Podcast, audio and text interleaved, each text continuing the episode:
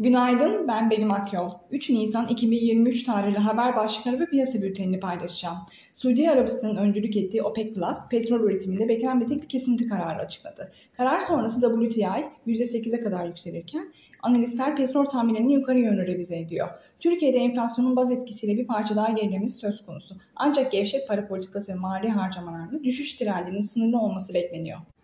Dövizden dönüşlü kur korumalı mevduatta vadeyi Türkiye Cumhuriyet Merkez Bankası belirleyecek. UPS, Credit Suisse devralımı sonrası on binlerce çalışanı işten çıkarmayı planlıyor. Savcılık ise anlaşmayı inceliyor. Piyasalarda risk iştahı petrol fiyatlarındaki sıçrama sonrası düşük. Piyasalara genel olarak bakacak olursak pay piyasalarında seçim belirsizliği ve seçim sonrasında ortodoks politikaları geçirebileceği beklentisinin yanında kur korumalı mevduat dahil mevduat faizlerinde yaşanan yükselişin de etkisiyle Borsa İstanbul'da satış baskısı artıyor.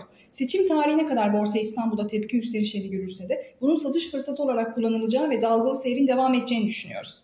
Ayrıca global piyasalardaki bankacılık sektörü risklerine yönelik gelecek haber akışlarının da dalgalanmayı artıracağını düşünüyoruz. Global risk alma iştahı ise bankacılık sektörüne yönelik endişelerin zayıflaması ve merkez bankalarının faiz artırımlarının sonuna yaklaşıldığı beklentisiyle toparlanıyor.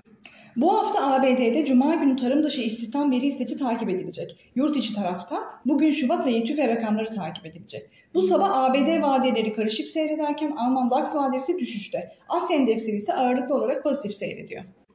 Teknik analiz verilerine bakacak olursak, gün içinde 4700 ve altına gerileme trade amaçlı alım fırsatı, 4930 ve üzerine tepki yükselişi ise satış fırsatı olarak takip edilebilir. Biop tarafında ise gün için long pozisyonlar için 5330, short pozisyonlar için ise 5435 zarar kes seviyesi olarak izlenebilir.